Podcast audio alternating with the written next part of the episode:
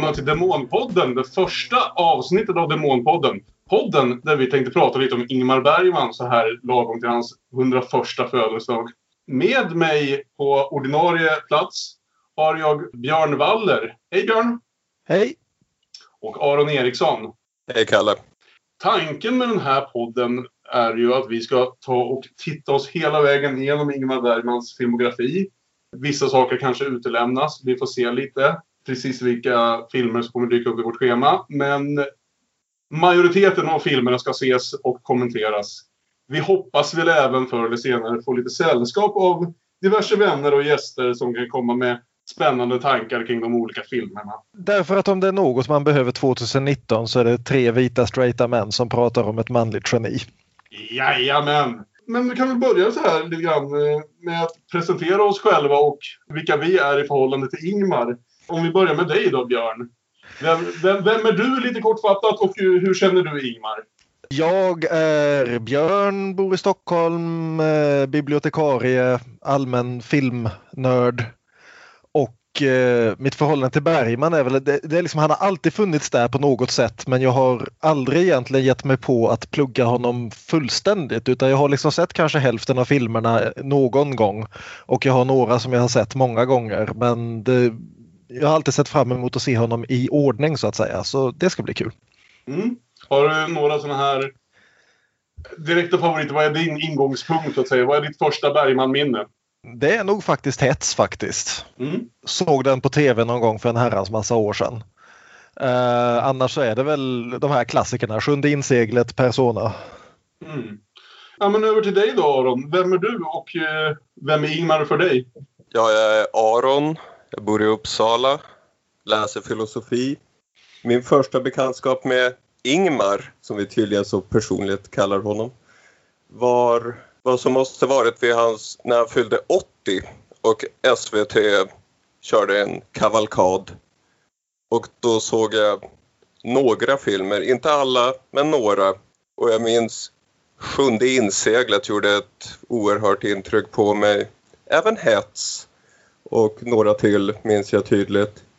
Sen gick det gissningsvis tio år och jag vågade inte riktigt se om Sjunde inseglet för jag var rädd att jag inte skulle tycka om den längre. Till slut föll jag för trycket, såg om den och tittade aldrig tillbaka. Jag är heller inte någon expert, har inte gått på djupet med, med Ingmar.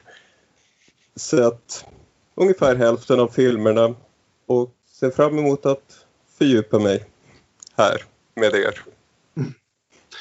Ja men vad fint, det låter som vi kommer från ungefär liknande bakgrunder med det här. Även jag minns det här när Bergman då, om vi ska säga så, den store Bergman fyllde 80 år och SVT visade många av hans filmer. Eh, det var nog inte min första upplevelse av någon av hans filmer. För jag vill säga att jag redan vid det laget, Eh, om vi gör lite kort matematik, måste jag ha varit 15 år då när, när de firade hans 80-årsdag.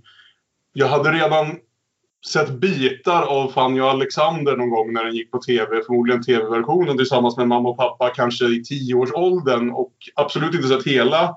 Men sett vissa bitar och kommer, hade ett minne av att den i, med jämna sjok skrämde skiten ur mig, tråkade ut mig och att jag tyckte den ändå var ganska mysig här och där någonstans. Den gjorde ett intryck tillräckligt starkt för att jag mindes den även om jag inte riktigt visste. Det kändes som något väldigt annorlunda för mig som då väl mest annars tittade på Star Wars-filmer och, och liknande i tioårsåldern. Sen så några år senare, kanske i 12-13 års åldern jag tror jag var 12 eller 13 när jag såg det sjunde inseglet. Förväntade mig något väldigt tråkigt och allvarligt och blev väldigt förvånad och glad över hur rolig jag tyckte det var. Eh, framförallt eh, minns jag eh, från, från den upplevelsen Gunnar Björnstrands insats väldigt varmt. Och eh, Sjunde inseglet tillsammans med Fanny och Alexander och eh, ett par av de andra är sådana som jag har sett om. Allt som man skulle säga ungefär som er. Jag har nog sett hälften av de här filmerna som vi ska gå igenom eh, någon gång förut. Många av dem är inte sen det där 80-årsjubileumet. Så Hets till exempel tror jag inte jag har sett sedan 1998. Det är väl hur jag kom in i det här. Eh, ja, vi kanske då ska gå vidare och börja diskutera lite vår första film här. Som Ingmar ju faktiskt inte regisserade utan som är en film av Alf Sjöberg från 1944. Hets. Skriven av den unge Ingmar Bergman. Eh, som då Eh, bör ha varit 26 år gammal. Och om jag har läst rätt här i boken som jag har vid min sida. Regi Bergman. Så började, fick han vad heter det, uppslaget till den redan efter att ha tagit studenten 1937. Så som 19-åring kom idén till honom och sen så malde han på den här idén fram tills han skickade in, fick ett jobb som eh, manusförfattare på SF 1943 och behövde skicka in eh, några verk till olika regissörer. Eh, jag kan börja med att vad heter det, läsa synopsis på filmen för de av er som inte har sett den och då därmed inte borde lyssna på det här än. För vi kommer Eller inte sett den nyligen. Eller inte sett den nyligen. Mm så kommer jag läsa ett kortare synopsis här som är taget ur regi Bergman. Jag avbröt dig innan du sa att vi ska avslöja slutet. Ja, eh, det var där, dit jag var på väg. Vi kommer diskutera hela, hela filmerna från början till slut. Man borde känna sig att man har sett dem eller känna sig okej okay med att veta allt om dem innan man lyssnar på det här. För om det är någonting vi vet om Bergman så är det att handlingen är alltid det viktigaste och twisterna i slutet är, får absolut inte spoilas. Hets. En gymnasielärare med öknamnet Caligula förödmjukar sina elever, särskilt Jan-Erik som läser till studentexamen. Jan-Erik upptäcker att hans flickvän Berta är förföljd av Caligula och när Berta dör efter ett möte med sin plågoande avslöjar Jan-Erik Caligula för sin rektor. Som straff blir han avstängd från studentexamen. Ja, ja då var vi klara då. Då var då. Det är hett. Vi ses nästa vecka. Eh, nej, men eh, den här hade alla sett förut, om jag förstår det rätt. Ja, ja, det är ett av mina tidiga minnen, som sagt. En av dem jag minns. Mm. Ja, Stig Järrels Caligula var ju magnetisk. Mm. Så det är ett av mina tidiga minnen. Sen såg jag om den ja, när jag började på nytt tio mm. år senare. Och tyckte inte så bra om den. En besvikelse. Okay. Så det var nu tredje gången, ytterligare tio år hade gått. Och återigen var den jättebra. Jag känner igen mig lite grann för jag, jag har haft den här i flera år nu uppsatt som en av mina favoritfilmer av Bergman. Och nu när jag sett den två gånger på kort tid här inför det här, för jag gör min läxa inför sådana här saker, så tycker jag ändå det är en del brister. Det, det är inte en perfekt film alltså, det är det ju absolut inte. Jag tycker man märker framförallt att det är väldigt tydligt. Bergman har skrivit manus och Sjöberg har regisserat och ingen av dem har nödvändigtvis tänkt att de ska göra den andres film. De har gjort varsin film av det. Mm. Och ibland går de ihop och ibland går de inte alls ihop. Nej man får ju komma till det här med att det är ju efterhand som vi lägger artistiskt värde på det faktum att det här på något sätt är Bergmans första film. Ja. Eh, vid, vid tillfället var han ju inte direkt någon välkänd manusförfattare eller annat. Inte som till exempel en Orson Welles som kom in och redan var liksom klassad som geni vid det laget han gjorde sitt, sin första film han tjatade sig till att få bli Sjöbergs skripta för att kunna ha någonting att faktiskt göra under filminspelningen för att kunna få vara med vid allt det här. För det han egentligen ville var ju att lära sig regissera och, eh, genom att, och ville då göra det här genom att kunna följa Sjöberg och se hur han arbetade.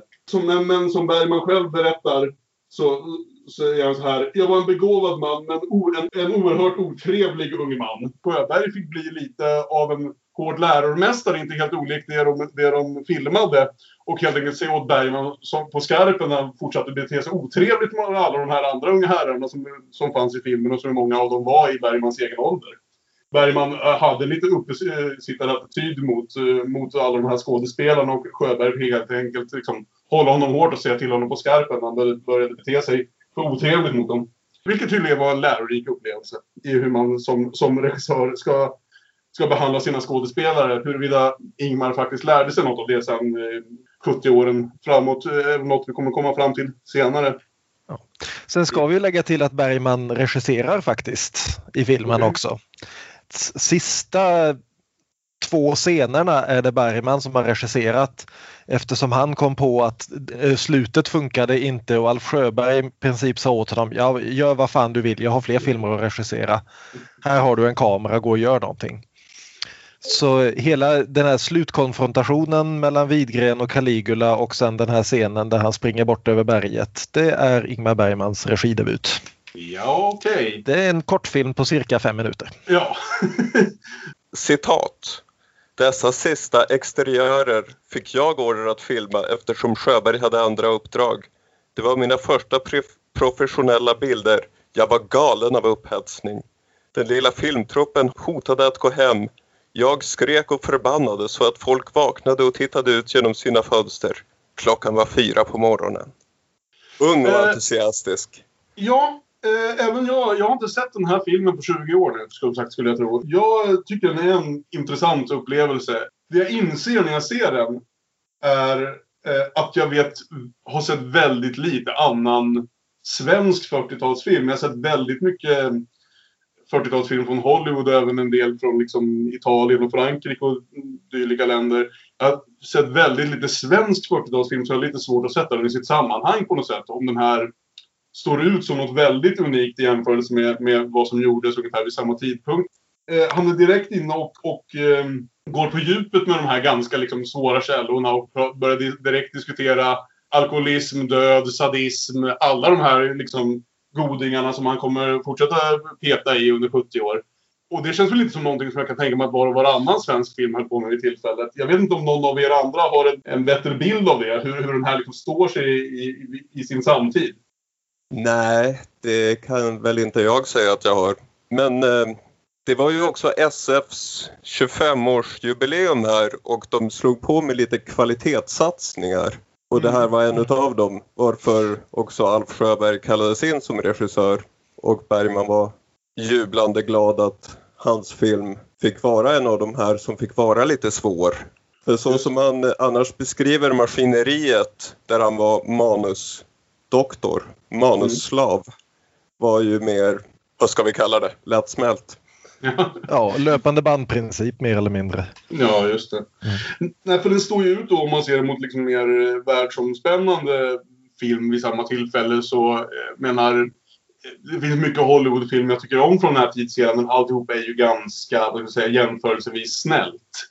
Italienarna, alltså neorealisterna och sånt där skulle ju komma igång några år senare och ha lite mer tu- tuff eh, synsätt på, på livet och, och dess problem. Men, men allt som allt så slår det mig ändå fortfarande. Jag tror det var det som gjorde att jag tyckte om den redan för 20 år sedan. Just att det inte känns som en särskilt slätstruken film alls. Utan en film som Mm. faktiskt försöker dyka ner i det här redan vid den här tidpunkten. Vältalat. Ja. Ja, ja nej, men om vi ska gå över och bara... Som sagt, tänker vi inte ta någon liksom helt scen för scen genomgång genom filmen. Vi kan till- säga att den eh, drivande motorn i, i själva handlingen är väl triangeldramat mellan Caligula, spelad av Stig Järrel, den sadistiska latinläraren, eleven Jan-Erik Widgren, spelad av Alf Kjellin och kvinnan de båda älskar, Berta Olsson.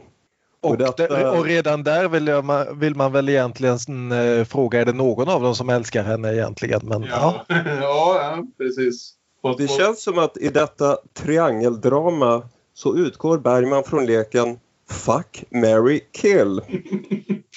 Denna lek, så enkel men samtidigt så komplex, så gåtfull men kanske just därför så avslöjande, blir ramen för vilken människans ljusa och mörka sidor utforskas. Caligula eller ska vi säga Kill-Igula är förstås det tredje alternativet. Hans närvaro suger vitaliteten ur alla han kommer i kontakt med och andras tankar om honom är inte sällan blodtörstiga. Giftermålet representeras av den idealistiske herr Widgren. Han drömmer om en oskuldsfull och rar flicka som han ska vara gullig ihop med. Han får efterhand en bättre förståelse av relationers komplexitet. Och fröken Fack slutligen är då Berta Olsson, expedit i tobaksbutiken, den oanständiga tös med ett hjärta av guld som de båda männen begär. Mm. Mhm.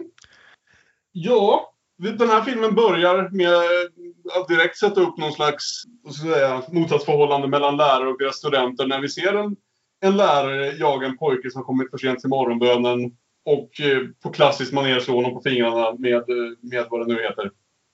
En pinne. Läraren i fråga spelas av Gunnar Björnstrand märkte vi Va? direkt i alla fall. Nej. jo. Ja, Okej, ja. Som senare kommer bli en av de stora Bergman-skådisarna och förmodligen min personliga favorit. Så det blir lite kul att han är den första som dyker upp som på filmens första replik. Hörru du! Stanna pojke, stanna! Han är alltså bara nätt och jämnt med i Bergmans första film och han är nästan med i Bergmans sista film. Det är rätt imponerande.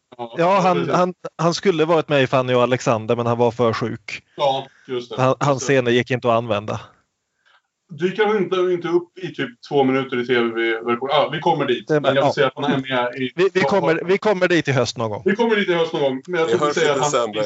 Jag skulle säga så här också att jag var så lite eh, omtumlad av allt det här. Jag skulle tänka på att nu skulle man försöka inte bara se en film utan kritiskt tänka lite på den under tiden. Ta lite anteckningar. Så rätt vad det var var jag inne i den här första klassrumsscenen där liksom huvudkonflikterna eh, presenteras.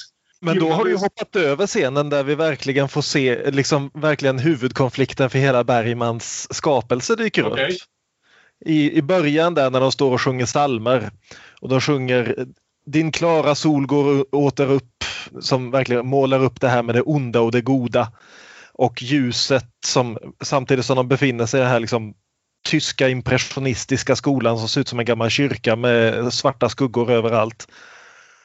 Och första kommentaren vi hör mellan de två huvudpersonerna är, är att de diskuterar att ni är onda aningar. Ja, var sitter de då? I magen. Gosse vilken diarré! Jag hade mina föraningar i morse. Var sitter de? I magen gosse, vilken diarré.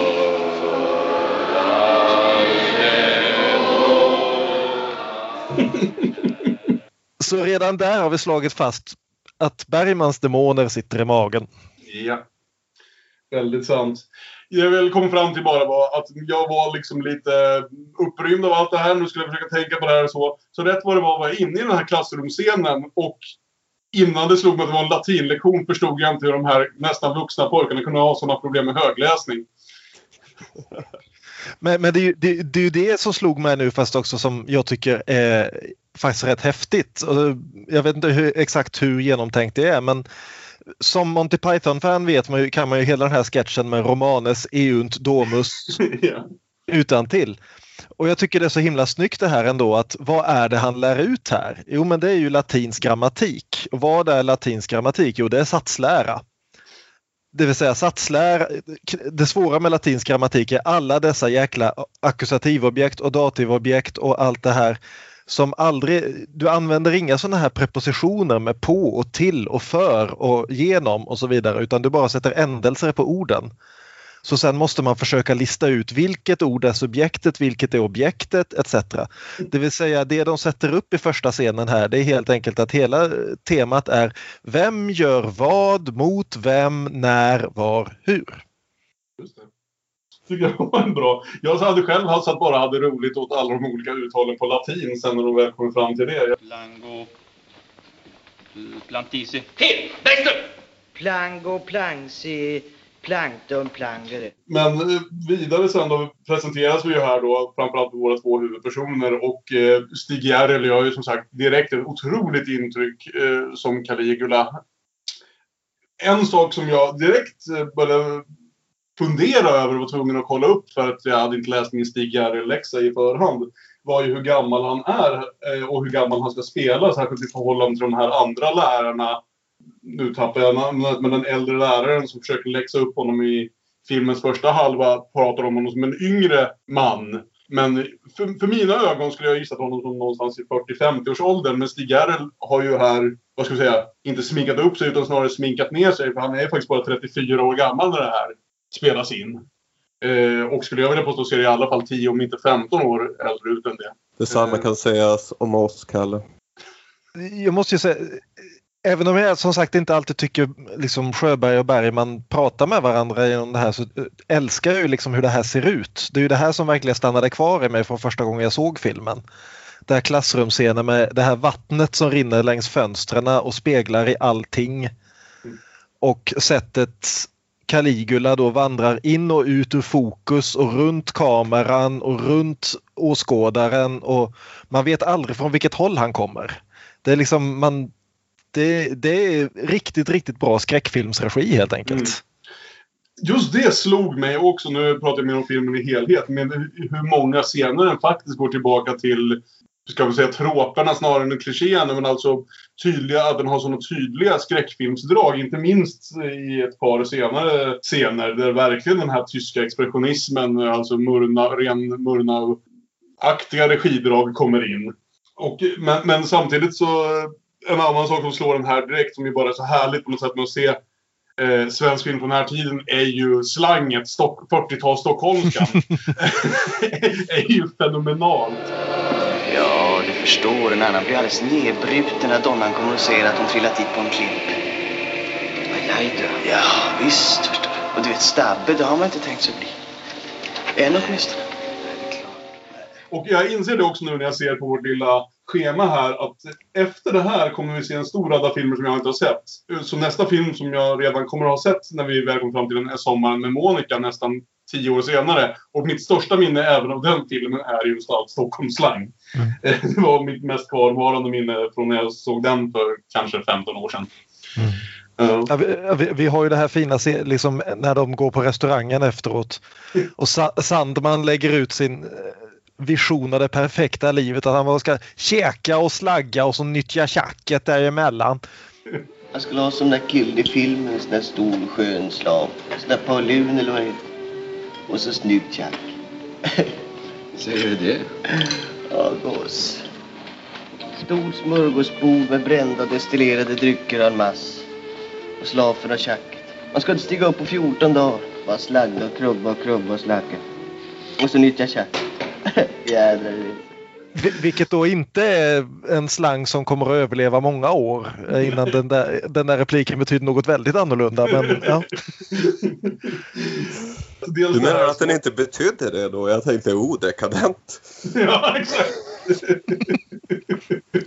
Men den den scenen slog mig också i det här just um det här draget som var ett väldigt vanligt, skulle jag säga, 40-talsfilmsdrag eh, 40 som finns även i Hollywoodfilmerna. Nämligen det här att vid något tillfälle låta den nobla, eh, den nobla huvudpersonen, den som är något ändå för mer än sina lite mer buffliga kompisar, hålla en monolog om sin egen förträfflighet. Om hur han bara egentligen, till skillnad, till skillnad från hans kompis där, bara vill spela fiol och vara och hitta en fin flicka och bli kär i.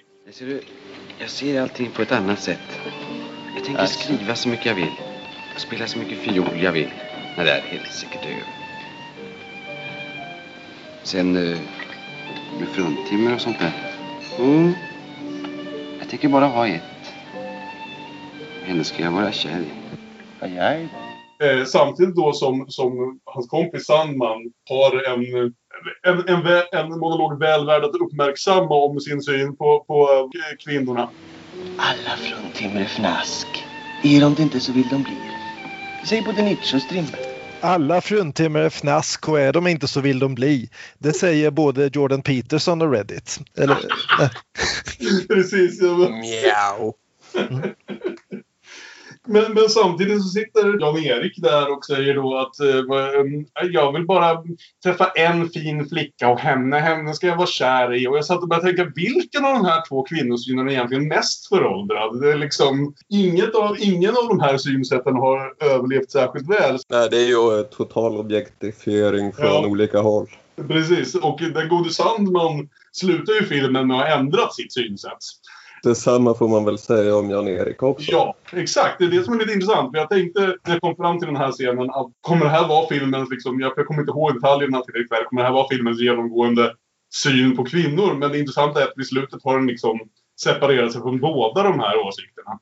Fast det är också en sån där grej som slog mig den här gången att varför får vi inte se Sandmans resa någonting? Det är liksom vad, vad fick honom att ändra sig?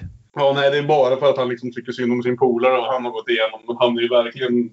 Han försvinner under ganska stor del av filmen. Mm. Ja.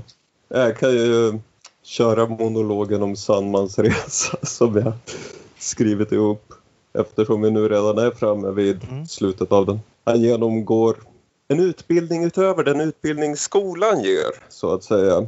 Han har den här världsfientliga kvinnohatare, cyniker, som han beskrivs och refererar till Strindberg och Nietzsche om kvinnorna och hur de är fnask. Vilket han säger sen, den lorten Strindberg och Nietzsche, jag tror inte på det längre. Ja, varför säger han det? För han har sett sin Widgren kompis gå igenom vad han gått igenom. Sen hade vi den andra förändringen att hans bedömning av Caligulas karaktär. Hur han i inledningen då beskriver Caligula som inte ett rejält riktigt svin utan istället ett otäckt giftigt kryp. Det som kommer fram när man lyfter på en sten, la det där. Du vet när man vänder på stenar, då hittar man otäcka små djur. Så Caligula, han, han är ingen riktigt rejält svin. Han är ett litet otäckt giftigt kryp.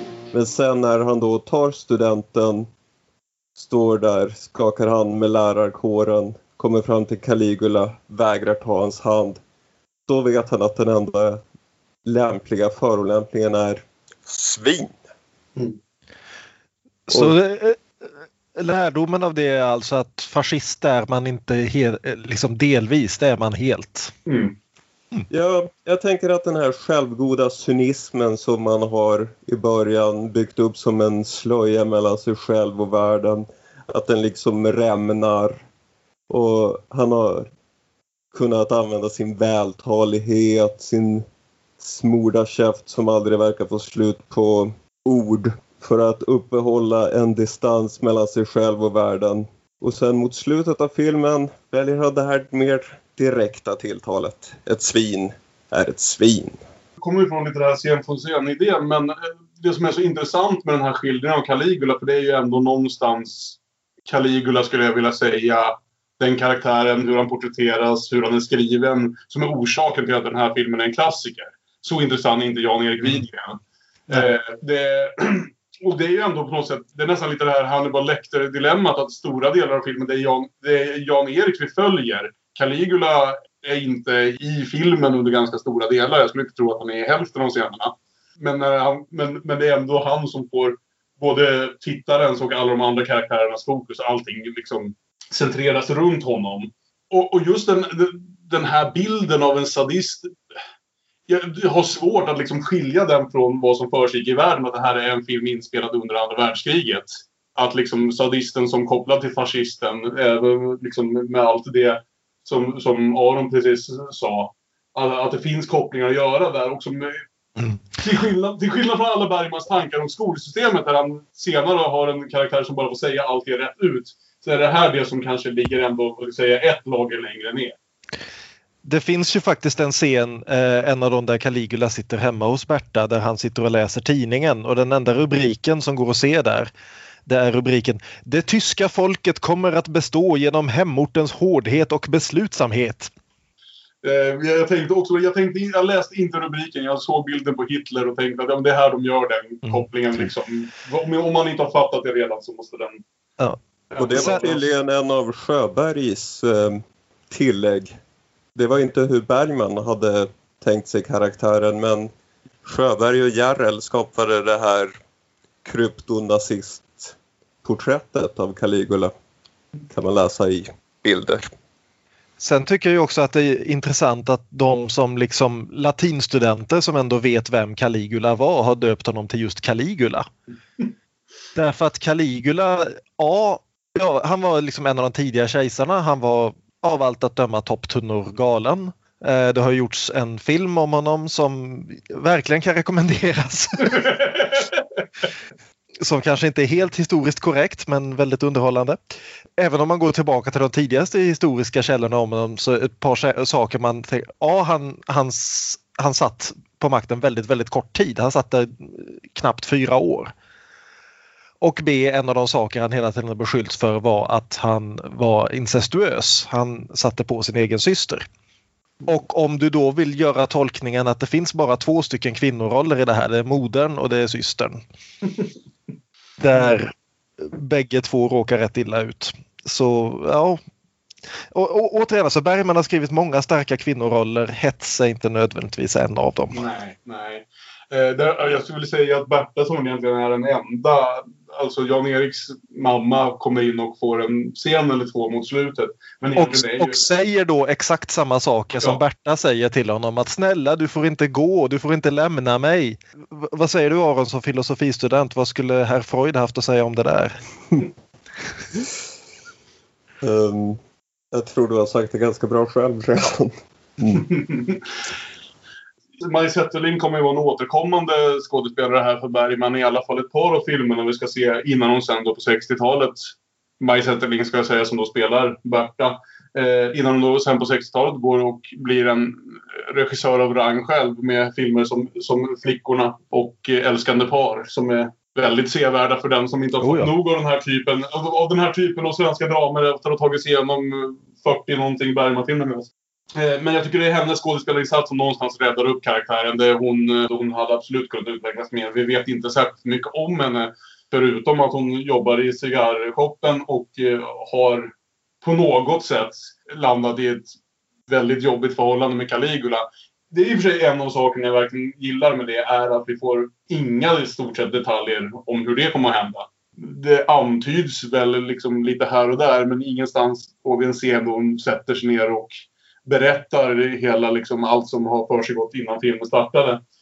Delvis därför att Widgren gör väldigt tydligt att han är inte är intresserad av att veta det. Han tvärtom, han blir ju, när hon talar om för honom att det kommer någon hit och plågar mig om vi ska läsa det som våldtäkt eller vad vi ska läsa Ja. så blir han förbannad på henne och vill inte dela henne med den här andra. Nej, Det, nej. ja, mm, ja, återigen. Ja, ja, ja. In- Inte, en perfekt film ur vissa synvinklar, nej. Absolut. Eh, Det, det är inte nödvändigtvis orealistiskt för en 18-årig o- oerfaren grabb men ja, det är sant. han blir inte mer sympatisk av det. Nej, och det känns också ibland som en 18-årig oerfaren grabb som är skriven av en o- 18-årig oerfaren grabb. Om du ska tro att Mm. Bergman var 19 när han först fick idén och själv precis hade liksom sig ur skolvärlden. Stig Gerrel som sagt gör en strålande insats. En, en, en klassisk insats som väl liksom är det som filmen mest berömd för. Även Maj Zetterling, eh, vad heter det, tycker jag klarar sig väl med det något tunna material hon får. Men det för oss väl fram till att Alf Kjellin här som spelar Jan-Erik kanske ändå är lite utklassad av, av skådespelarna runt honom. Eh, ja. eh, Min fru hälsar oss allihopa här att Alf Kjellin var 1900-talets snyggaste skådespelare och hon står, fram, står för det. Men i övrigt, alltså bortsett från Alf Kjellin som någonstans är det tunnaste kortet så tycker jag väl ändå att det är en film med ganska ibland teatraliskt men ändå väldigt engagerande skådespel även från de andra. Framförallt de här två gubbarna, tre gubbarna ska vi säga. Rektorn, den snälle gamle läraren och sen doktorn som får, som vars insats väl egentligen är en enda monolog och säger det Bergman egentligen vill säga. Mm.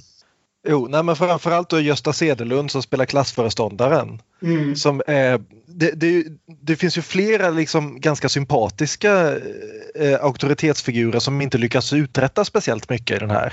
Nej. Eh, och han är väl den som, han försöker läxa upp Caligula, det är en härlig scen faktiskt. Ja, jag älskar den. När, när de två ryker ihop i kartrummet där och man för första gången, liksom Stig Järrel spricker, verkligen får ett sammanbrott. Hör på mig. Jag har varit sjuk. Mycket sjuk. Mina nerver är fortfarande inte som de ska. Kurserna är dryga och stora. Jag är saklig. Jag pjoskar inte, jag daltar inte. Jag arbetar objektivt, varsågod. Jag tänker inte ändra på den saken därför att du händelsevis har träffat på en neurotisk stackare bland eleverna som har beklagat sig och inte kan hantera det här att han får kritik av någon som också har pondus. Även om han inte har den sortens pondus han har. Caligula är egentligen inte en speciellt knepig figur men Järrel gör honom väldigt knepig genom att han spelar både den här sadistiska sidan och den sårbara sidan så väldigt tydligt. Mm. Ja, och den sårbara sidan på vid ganska många tillfällen som vi kanske inte ombeds sympatisera med honom men som vi ändå ser honom i ett svagare tillstånd. För mitt minne av filmen var nästan bara de här eh, scenerna där han är som tydlig kontroll. Först av, över klassrummet och sen över Berta i den här berömda monologen om, om katten som han dränker i tunnan. Jag stoppade katten, hand och arm i en vattentunna som stod där. Så här. Katten hade låst sig som en kramp. Den dränktes, men den släppte inte sitt grepp. En läkare kom och fick skära loss den. Jag märker det nu. Se! Titta här hur jag ser ut. Se! Nej, jag vill inte. Ja, det är så man ska vara. Bita sig fast, inte tappa bettet. Biter inte du så biter jag. Det är liksom de scenerna som, har, som på något sätt har nålat sig fast i, i minnet. Vilket gör att eh, de, de här andra sidorna hade jag inte riktigt lika klart för mig. Men det, det är ändå ganska liksom ett ganska återkommande tema. Att direkt han faktiskt blir konfronterad. Han tar ju till och med så illa åt sig av, av som man säger, Jan-Eriks onda blickar.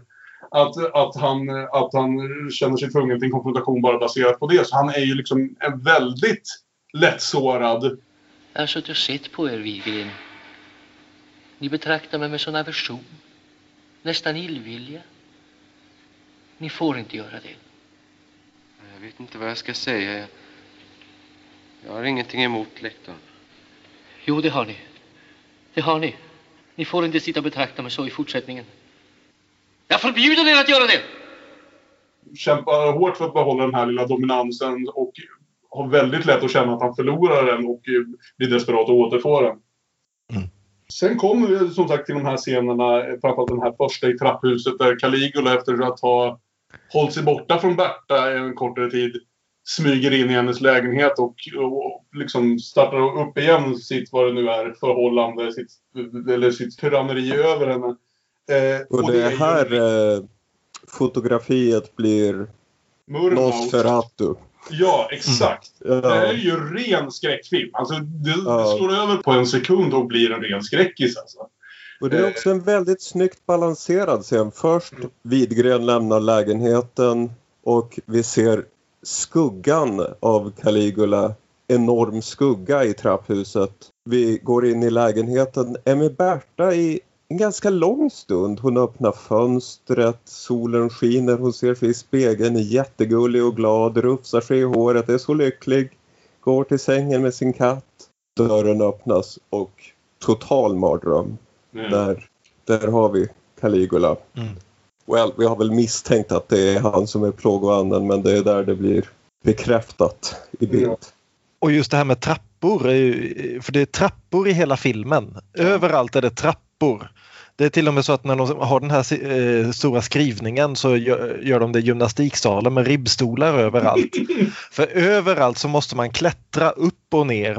Det är ju där det verkligen är det här coming of age-dramat, liksom att man hela tiden måste byta sociolekt, byta språk, byta förhållande till auktoriteter, byta språk, liksom bokstavligen byta språk eftersom de pratar latin vissa delar. Och det är liksom hela tiden det här, du är någonting och så går du upp för trappan och så är det någon annan. Det, det är väldigt mycket av det där och det är väldigt snyggt gjort. Sen stämmer det inte alltid överens helt och hållet med vad texten säger men det är väldigt, väldigt snyggt. Ja, Ett annat citat här då ur eh, bilder. För mig var hets en besatt och något vildsint historia om skolans och ungdomens plågor. Alf Sjöberg såg andra aspekter. Genom olika konstgrepp förvandlade han den till en mardröm. Det är ju just det här tyska expressionismen som vi varit inne på. Och en sak som förvånade mig, för vi har ju faktiskt en mardrömsscen i filmen. ja. Den var lite tam. Man förväntade sig lite mer förvrängda fotovinklar. Den har någonting vad vi idag skulle kalla för en videoeffekt där som jag antar, jag vet inte vad de skulle kalla det vid, vid tillfället, men en intressant stilistisk klippövning när bilden söndras samman. Som kanske inte riktigt hade den effekt som den önskade på. Eh, men jag tycker det är intressant i och med det här att just mardrömssekvenserna är ju någonting som, som Bergman kommer komma tillbaka till väldigt berömt i Smultronstället. Hela filmerna, Persona och, och Vargtimmen till exempel är någon slags övning, i, liksom, eller exempel på mer, ett mer surrealistiskt filmskapande. Och det är liksom tid, tidiga försök till det. Jag måste avliva herr Wigren. Ni är alltför okunnig i det döda språket. Jag håller med om att den här mardrömsscenen inte ser så mardrömslik ut men å andra sidan vardagen ser ju så jäkla mardrömslik ut. Mm.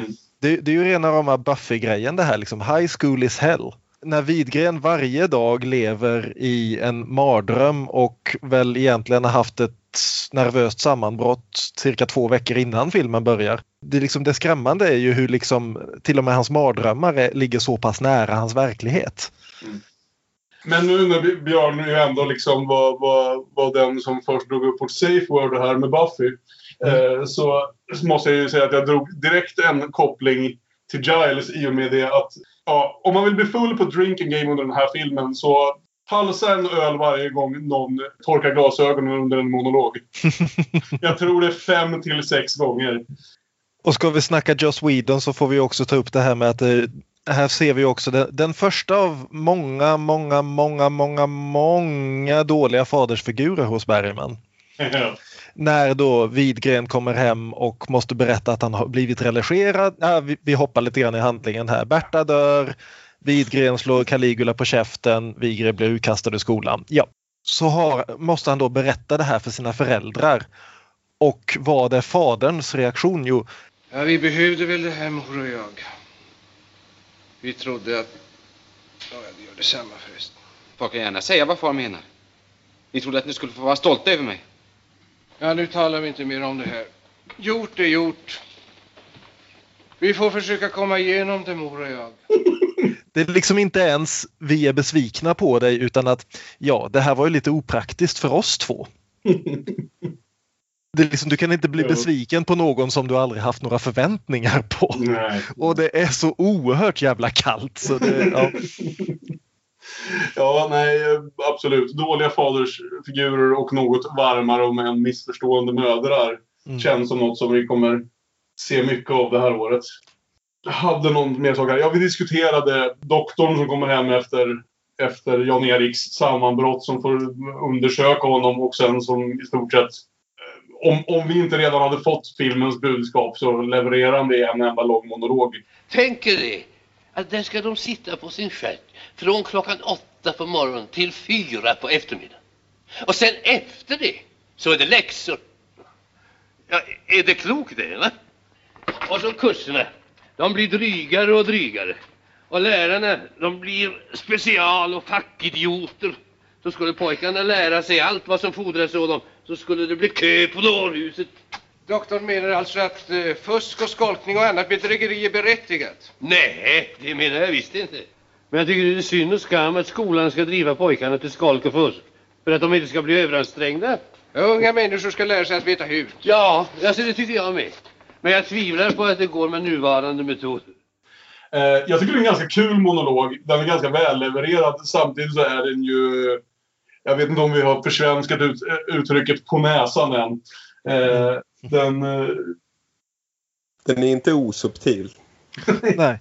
Och där kan vi också ta upp det här som då togs upp just i samband med premiären att Bergman ju då eh, vid något tillfälle råkade säga någonting om hur han hade hatat sin skolgång och att det här är mer eller mindre, om inte självbiografiskt så i alla fall inspirerat. Varpå då hans gamla rektor skrev ett inlägg i Aftonbladet som lyder att herr Bergmans uttalande att hela hans skoltid var ett helvete förvånar mig. Jag minns tydligt att både han, hans bror och hans far var mycket nöjda med skolan. Efter sin studentexamen har också Ingmar Bergman uppenbarat sig i skolan vid vår julfest glad och nyter av allt att döma utan någon känsla av agg vare sig mot skolan eller mot dess lärare. Saken ligger nog till på ett annat sätt. Den gode Ingmar var ett problembarn, lat men ganska begåvad och att en sådan typ ej lätt inordnar sig i en dagligt ordnad studiegång är naturligt. En sådan skola kan ej vara anpassad för drömmande bohemer utan för normalt funtade arbetsmänniskor. Vilket ju då faktiskt är precis vad rektorn säger till dem vid den här studentexamen. Jag hoppas att ni då hedrar er gamla skola. Försök att se på henne som hon är. En sträng fostrarinna, en fordrande mentor, kanske inte alltid rättvis, kanske inte alltid sådan hon borde vara. Men ett har hon som jag vågar gå i god för. En ärlig, uppriktig vilja att dana er till goda, dugande, nyttiga samhällsvarelser. Och där ser man ju framför sig hur den unge Bergman sitter och liksom Ha! Där fick du! Han skrev väl det i sitt svar också. Jag tror inte rektorn har sett filmen än. Eh, vi är väl nästan framme vid slutet av filmen ändå. Eh, Vi har ju då den här scenen med, där rektorn kommer, är inte hem till Widgren utan söker upp honom i Bertas lägenhet där han väl förmärker går och lägger sig i hennes fåtölj, inte i hennes säng. Mm. Söker upp honom och då förklarar att eh, mer eller mindre ber om ursäkt för att skolan inte kl- klarade av honom och eh, erbjuder honom ett jobb och säger åt honom du tar väl inte livet av dig ikväll va? Mm. Och eh, sen säger då det här när de står i den här döda tjejens sovrum att Tiden går. Så småningom kan du se på det här utan att det gör ont. Men som kanske var nyttigt. Så du, jag tror att det är en mening i allting som händer. Även om det kan se lite underligt ut för våra ögon. Det är ju en film som någonstans, den är så imponerande i, i stunder. Alltså den har så mycket bra monologer av duktiga skådespelare, otroligt, en otroligt minnesvärd central karaktär. Som helhet, som någon slags budskap, prickar den ju inte helt rätt alltså. nej, Eh, det, det, det, det är lite hagelbösseteknik. Den, den, den skjuter på flera olika måltavlor och träffar dem lite halvt om halvt. Ja, nej, men som sagt, jag, jag gillar den ändå. Jag tycker den, är, den har ett antal brister, men jag tycker ändå liksom man märker liksom någonstans det här Bergman, ung, hungrig, vet inte hur många fler filmer han ska få göra och vill få in allting i filmen. Mm. Och Sjöberg som gör en riktigt, riktigt snygg skräckfilm av det när den är som bäst. Den är väldigt minnesvärd och den har en hel del ögonblick som är helt fantastiska och några som är mindre fantastiska. Men ja. Det är ju Caligula man verkligen minns från den här filmen och det är ju en drömroll alltså. Man han verkligen sätter tänderna i den där och släpper inte taget. Mm. Det, det, är, det, är liksom, det finns det finns skådisar som kan spela subtilt, det finns skådisar som kan liksom verkligen göra mycket med lite. Och så finns det skådisar och regissörer som samarbetar på ett sånt här sätt så att någon kan få spela över något i helvete men det känns inte som överspel därför att hela atmosfären bygger upp runt det är så passade så perfekt. Jag älskar liksom att se honom i den rollen där. Den är bland det bästa som har gjorts i svensk film tycker jag. Det ska bli väldigt spännande de här nästkommande veckorna. För som sagt, nu har jag inte sett en enda av de här filmerna förrän vi är framme vid sommaren med Monica. Så jag tänker mig ju att det är ju inte de- hans mest berömda verk, men de kanske är de lite mer lättsmälta, vilket kan vara nog så kul, tänker jag. Mm. Eh, Aron, hade du något du ville tillägga om, om hets? Nej, ni har väl sagt det. Väldigt snygg. Stundtals väldigt väl skriven. Monologerna. Och sen har den sina, well, tillkortakommanden. Ja, vi tänkte väl avsluta varje vecka här med att leka en liten lek. Det finns ju ett koncept som är, återigen, jag vet inte om vi har hittat en bra försvenskning på det, men som på engelska kallas för the double bill. Vad kan vara ett bra svenskt begrepp för double bill? Dubbelbull. Uppsaliensaren har talat. Okej, you. så hur som helst. För varje vecka tänkte vi rekommendera en annan film, var och en av oss. eh, Och som vi på något sätt tycker passar ihop med veckans Bergman-film. Och det här behöver då alltså inte vara en annan Bergman-film, för det skulle bli ganska tråkigt. Utan en annan film från filmhistorien som på, på något sätt, tematiskt eller annat, tycker komplementerar den här filmen. Eh, Björn, vad har du för rekommendation att man ser tillsammans med Hets? Då skulle jag väl säga, eh, apropå High School is Hell, så skulle Mm. jag väl säga Lindsay Andersons If Just det. från 1968. Mm. Som är i princip samma handling från så att den slutar då med det som Bergman egentligen aldrig hade i sina filmer, nämligen en eldstrid. Med då Malcolm McDowell i huvudrollen och då kan man därifrån gå vidare till att se alla hans mästerverk såsom Clockwork Orange och Caligula. Just det, så knöt vi ihop den säcken också. Ja, precis. Ja. Aron, vad är din rekommendation? Ja, Eh, Jag tänkte ta Hasse Ekmans Lågor i dunklet från 42. Trivia om Caligula är att Stig Järrel två år tidigare spelade en snarlik karaktär i denna. Och även denna karaktär är då latinlärare och det är samma mix av elakhet och ynklighet.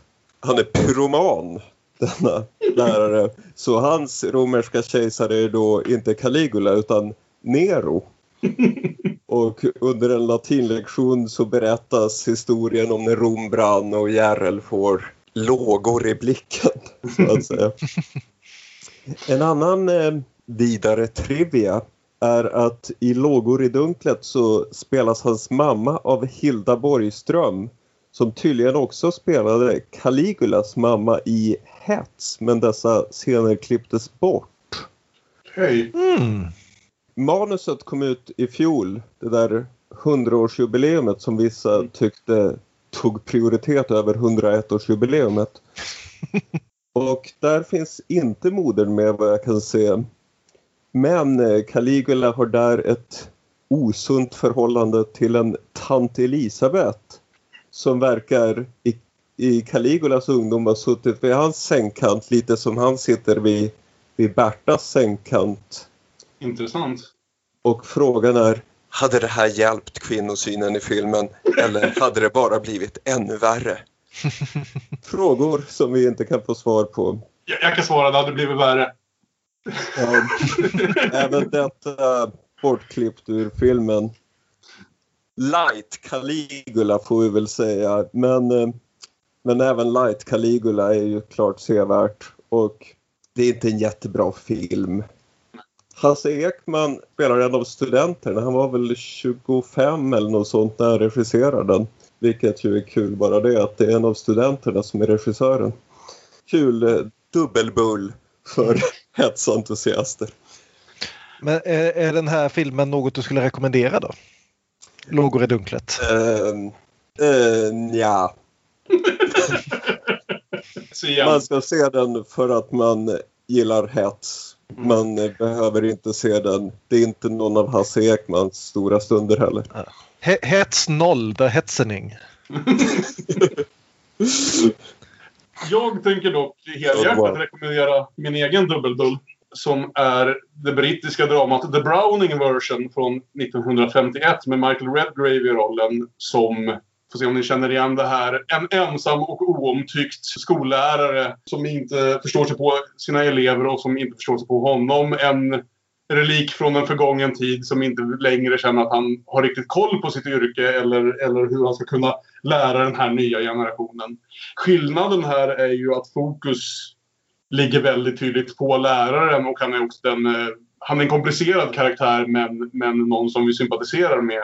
Skulle inte förvåna mig Även om jag ska erkänna att jag inte har kollat upp det här om den är baserad på en pjäs. Det känns väldigt mycket som en sån film. Men jag tyckte den var ganska fascinerande och alldeles sensationellt skådespel från Michael Redgrave i huvudrollen då som den här läraren. Jaha gubbar, eh, ska vi låta det sy ihop säcken för den här veckan? Har vi fått ut allt vi kan få ur hets? Jag tror det, men jag tror vi kommer återvända till hets under, en del under framtida filmer också. Så det, det, är liksom, det, det, det blir lite, lite grann baseline det här. Precis. Temana kommer ju liksom bli tydligare. Alla Ingmars magproblem, alla hans elaka pappor, alla hans tveksamma kvinnoskildringar.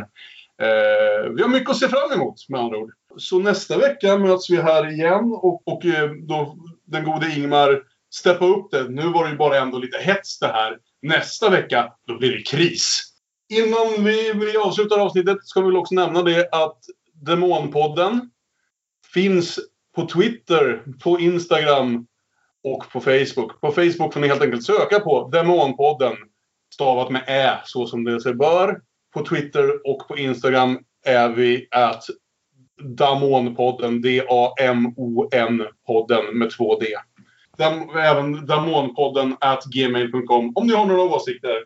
Om ni vill bli gäster eller eh, om ni bara har något ni tycker vi borde veta om hur bra eller inte vi är.